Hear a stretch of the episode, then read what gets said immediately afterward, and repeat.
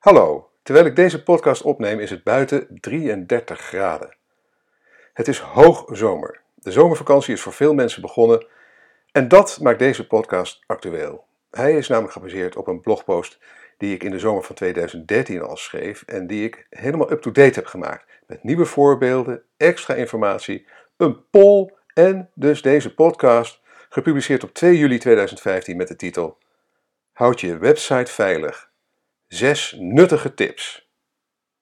Mijn naam is Erik van Hal, oprichter en eigenaar van MediaWeb, het internetbureau uit Noordwijk dat is gespecialiseerd in responsive webdesign en e-commerce.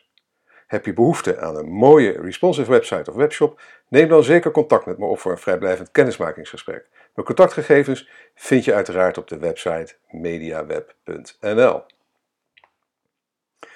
Nou, elke zomer is het weer raak. Duizenden websites worden gehackt door zogenaamde script kiddies. Oftewel jonge gastjes die een beetje kunnen programmeren, die zich blijkbaar vervelen in de vakantieperiode. En zorg ervoor dat jouw website veilig is. Nou, en in deze podcast laat ik je zien hoe je dat kan doen. De gevolgen voor de eigenaren van gehackte websites zijn bovendien vaak echt ernstig. Hè? Zo ging in 2011 bijvoorbeeld het bedrijf DigiNotar zelfs failliet door een eigenlijk vrij simpele hack van hun website. Maar een belangrijk onderdeel van het duurzame beheren van je website is dan ook de beveiliging. Nou, als een zwaar beveiligde website toch wordt gehackt, is het meestal het werk van professioneel werkende cybercriminelen. En daar kun je wel veel tegen doen, maar dat kost ook heel veel geld. verreweg de meeste gewone organisaties, zoals die van jou en van mij, ja, die hebben niet het budget dat nodig is om elk risico uit te sluiten. Net zo min als dat je jouw kantoor op dezelfde manier beveiligt als een bank haar kluis. Maar zodra je je kantoor verlaat, dan zet je toch wel het alarm aan en dan controleer je toch ook wel even of er geen ramen openstaan. Nou, zoals ik in, de, in het begin al zei, de meeste hacks van gewone websites ja, die zijn eigenlijk eenvoudig te voorkomen. Ze zijn niet interessant genoeg voor de professionele cybercriminelen om er veel tijd aan te besteden. In 99% van de gevallen gaat het om hobbyhackers of professionele hackers die grotendeels geautomatiseerd gebruik maken van bekende veiligheidslekken in de software waarop je website draait. Meestal een CMS, zoals bijvoorbeeld WordPress. En met name WordPress is hartstikke populair bij hackers, omdat zo'n 60% van alle websites erop draait. En de keerzijde van het gemak waarmee je in WordPress plugins kunt installeren, is dat deze vaak kwetsbaar zijn voor veiligheidslekken. Onlangs waren de gebruikers van 17 populaire WordPress plugins de dupe. Eh, er staat in de blogpost een eh, linkje naar een artikel erover. Evenals ruim 1 miljoen WordPress sites dankzij Ehm, een kritische plugin bug met ook weer een linkje in de blogpost naartoe als je dat interessant uh, vindt om dat uh, te bekijken. En dat zijn recente voorbeelden die horen bij de update van dit artikel. De geautomatiseerde professionele aanvallen hebben meestal als doel om de server waarop de website wordt gehost te gebruiken in een botnet, om spam te versturen of om DDoS aanvallen mee te doen. Maar wat kun je hier nou tegen doen? Nou, de volgende vijf maatregelen kun je treffen om ervoor te zorgen dat je website moeilijk te hacken is. In ieder geval zo moeilijk dat verreweg de meeste hackers er niet aan zullen beginnen. Of ze moeten jouw website echt heel graag te grazen willen nemen, om wat voor reden dan ook. En de zesde en laatste maatregel, die kun je treffen als je de eerste, uh, eerste niet, uh, liever niet doet, de eerste vijf. Goed. Maatregel 1. Ga verstandig om met loginnaam en wachtwoord. Eh, zorg ervoor dat, de, dat je de beheeromgeving van je CMS alleen via een beveiligde verbinding uh, kan benaderen. En hierbij worden de gegevens versleuteld. Dat heet de zogenaamde HTTPS-verbinding waardoor het voor een buitenstaander, bijvoorbeeld iemand die afluistert, onmogelijk zou moeten zijn om te weten welke gegevens je verstuurt. Gebruik in die mogelijk multifactor authenticatie. Uh, een begrip, een, een, weet het, een uh, uitleg wat het is, zit er een linkje in de blogpost. Maar hierbij, hierbij wordt er naast login, naam en wachtwoord ook gebruik gemaakt van een extra beveiligingslaag op basis van één van de volgende, ja, of meerdere van de volgende criteria. Ten eerste, iets dat de gebruiker weet, bijvoorbeeld een wachtwoord of een pincode. Ten tweede, iets wat de gebruiker heeft, bijvoorbeeld een bankpas, smartcard of mobiele telefoon. En ten derde, iets wat de gebruiker is, bijvoorbeeld biometrische eigenschappen zoals een vingerafdruk. Nou, gebruik nooit een loginnaam als admin of administrator. Gebruik een moeilijk te kraken wachtwoord. Het nadeel is dat die ook moeilijk is te onthouden.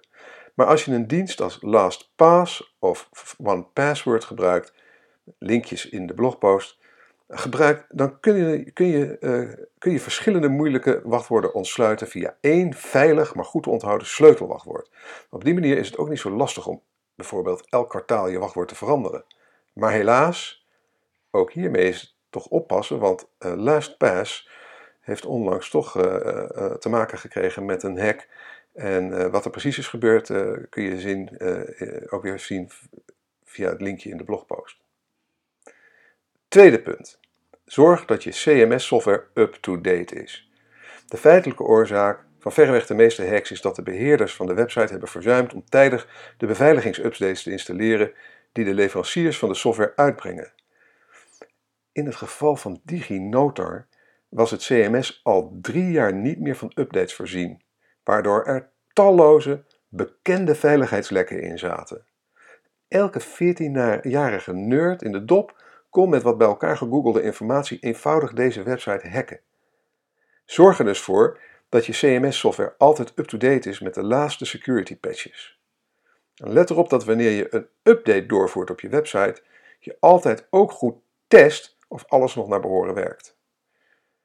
Bij MediaWeb werken we met een acceptatieomgeving die een kopie is van de live website om elke update aan de website eerst te testen en aan onze klanten voor te leggen. Pas als dat goed is gegaan, zetten we de wijzigingen door naar de live site.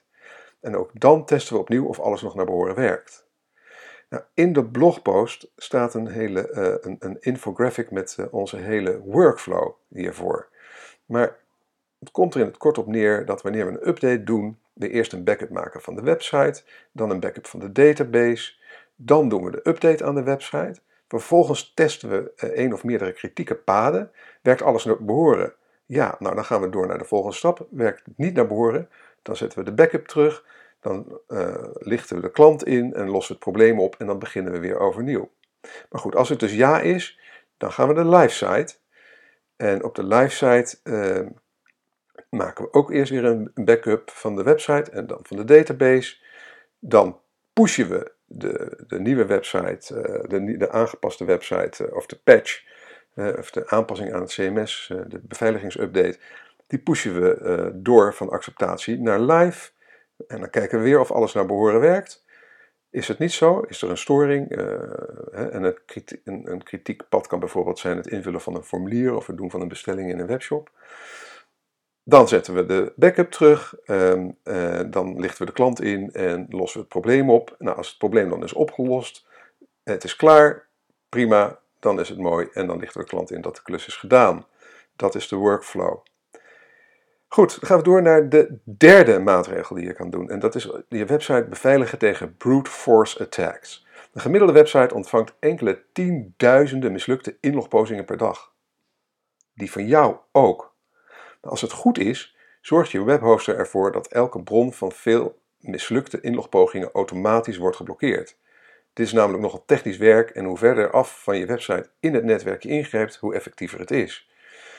Wat je zelf wel sowieso kunt doen, is de URL van de, je beheer-inlogpagina veranderen, zodat het niet meer de standaard URL is. Verander bijvoorbeeld bij WordPress slash wp slash wp-login.php in bijvoorbeeld slash beheer of iets dergelijks, waarbij je de pagina wp-login.php verbergt. Dat scheelt al heel veel geautomatiseerde brute force attacks op je website.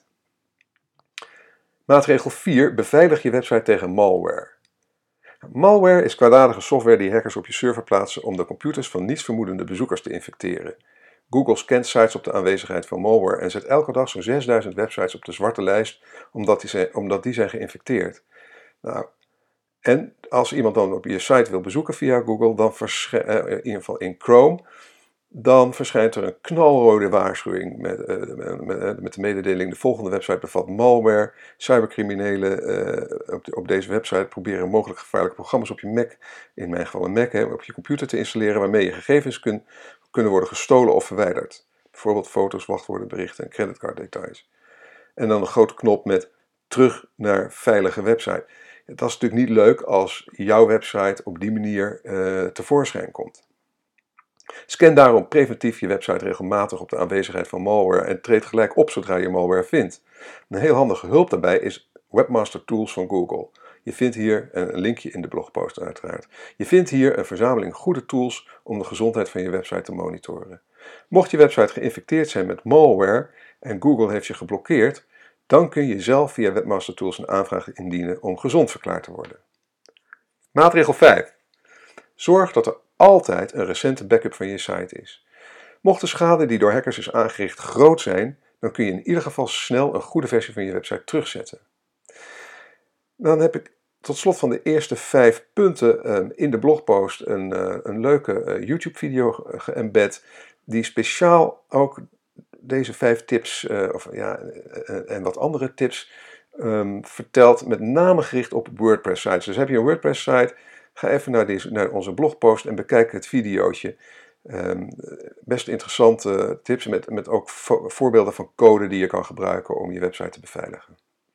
Goed, nou, en dan punt 6. Oké jongens, ja, sorry, ik ga nu een beetje reclame maken voor MediaWeb eigenlijk. Hè, maar, want dat is, laat punten 2 tot en met 5 en meer door MediaWeb verzorgen. Want laten we eerlijk zijn, voor de meeste van ons is het zelfbeheren van de veiligheid van de website eigenlijk te veel gevraagd. De discipline is moeilijk op te brengen en de kennis nog moeilijker op peil te houden. Daarom leveren we bij MediaWeb bij elke website, nieuwe website die we opleveren, een Website Care and Protection Plan. En er staat in de blogpost een linkje naar een pagina die, waar dat Website Care Protection Plan uh, helemaal uit de doeken wordt gedaan.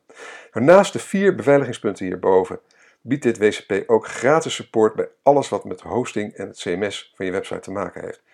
Moet er trouwens niet vier, maar vijf beveiligingspunten zijn. Nou, een eigen afgeschermde hostingomgeving, zodat je niet de dupe kunt worden van minder goed beveiligde websites op dezelfde server. En nog veel meer diensten die ervoor zorgen dat je volledig wordt ontzorgd als het om je website gaat. Het Website Care Protection Plan is ook een essentieel onderdeel van ons stokpaardje de duurzame website. Nou, dat was het voor deze week. Ehm, ik hoop dat je uh, in de gelegenheid zult zijn om te kijken of je website uh, veilig is. En zo niet om maatregelen te treffen, zodat je veilig, uh, met een gerust hart straks op vakantie kan gaan. lekker van de zon kan genieten. Want nogmaals, heel veel scriptkiddies en hackers gebruiken juist vakanties en ook zeker de zomervakantie om, uh, om websites uh, te hacken, omdat mensen toch minder goed opletten op dat moment. En ook omdat met name die scriptkiddies ook nog eens met heel veel tijd om handen zitten in de vakantie. Goed. Bedankt voor het luisteren. Als je graag op de hoogte blijft, schrijf je dan in uh, op onze nieuwsbrief via bit.ly slash mediaweb-nieuwsbrief. Je kunt dan bovendien gratis deel 1 van mijn e-book Online Marketing Checklist editie 2015 downloaden. En helemaal van deze tijd volg nu ook mijn webwalks via de livestreaming video app Periscope op iOS of Android. Mijn Twitter en Periscope handle is @mediawebnl. Nou, als je met plezier hebt geluisterd, laat dan een review achter bij SoundCloud of in de reacties onder de blogpost op onze website. Nou, nogmaals heel erg bedankt voor je aandacht en heel graag tot de volgende keer.